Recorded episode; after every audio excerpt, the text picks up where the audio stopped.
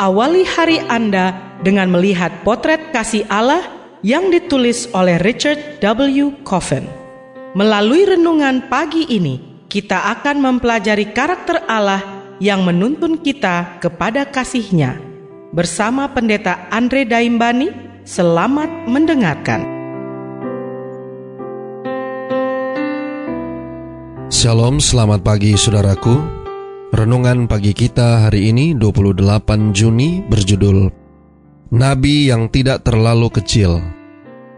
Ayat intinya diambil dari Hosea 1 ayat 1. Demikian firman Tuhan. Firman Tuhan yang datang kepada Hosea bin Beeri pada zaman Usia, Yotam, Ahas, dan Hiskia, raja-raja Yehuda, dan pada zaman Yerobeam bin Yoas, Raja Israel. Mari kita dengarkan penjelasannya.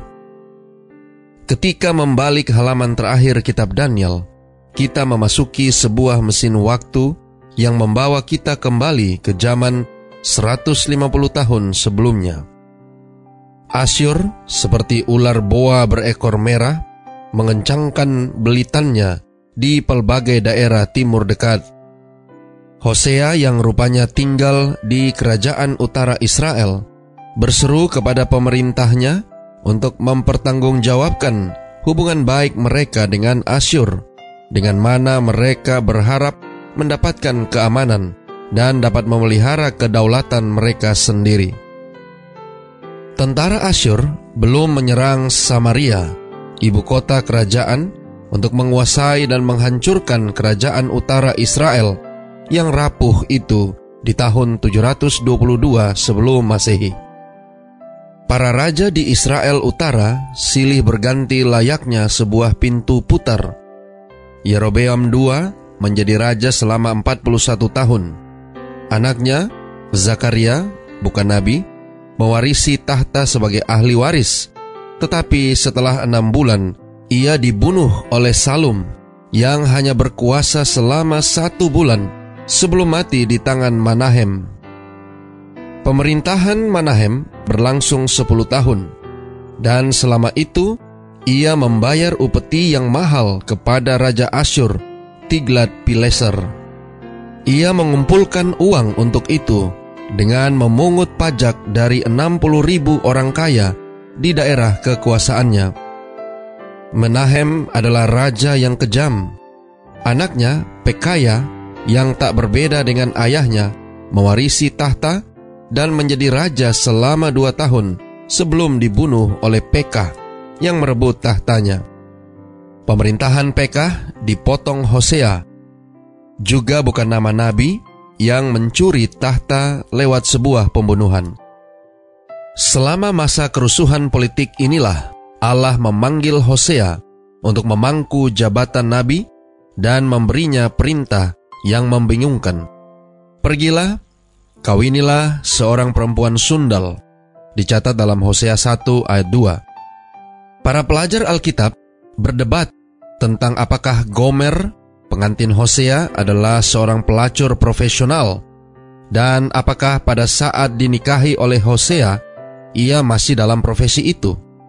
Yang jelas, di kemudian hari, ia terbukti tidak setia dan setidaknya dua dari tiga anaknya, Lo Ruhama anak perempuan dan Lo Ami anak lelaki, adalah anak tidak sah, anak-anak sundal, sebagaimana dicatat dalam ayat yang kedua.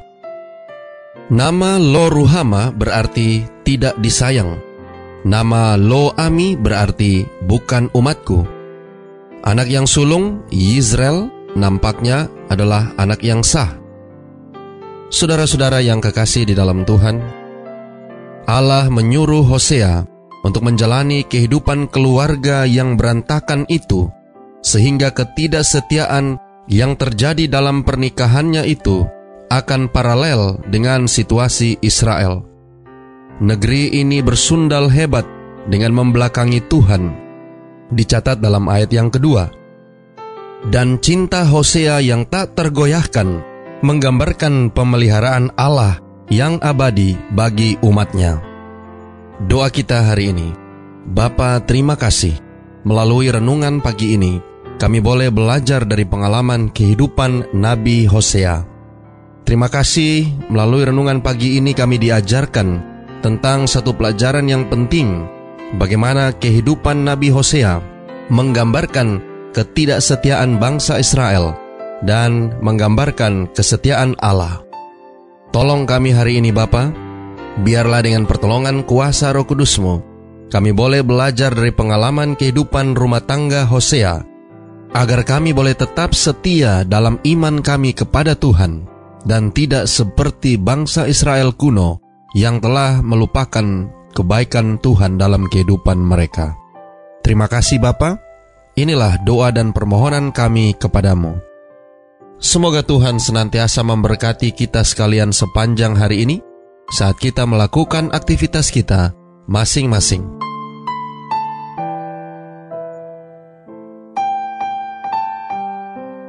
Demikianlah tadi pembahasan tentang potret kasih Allah. Semoga firman Tuhan hari ini dapat menjadi berkat bagi Anda. Sampai jumpa, Tuhan memberkati.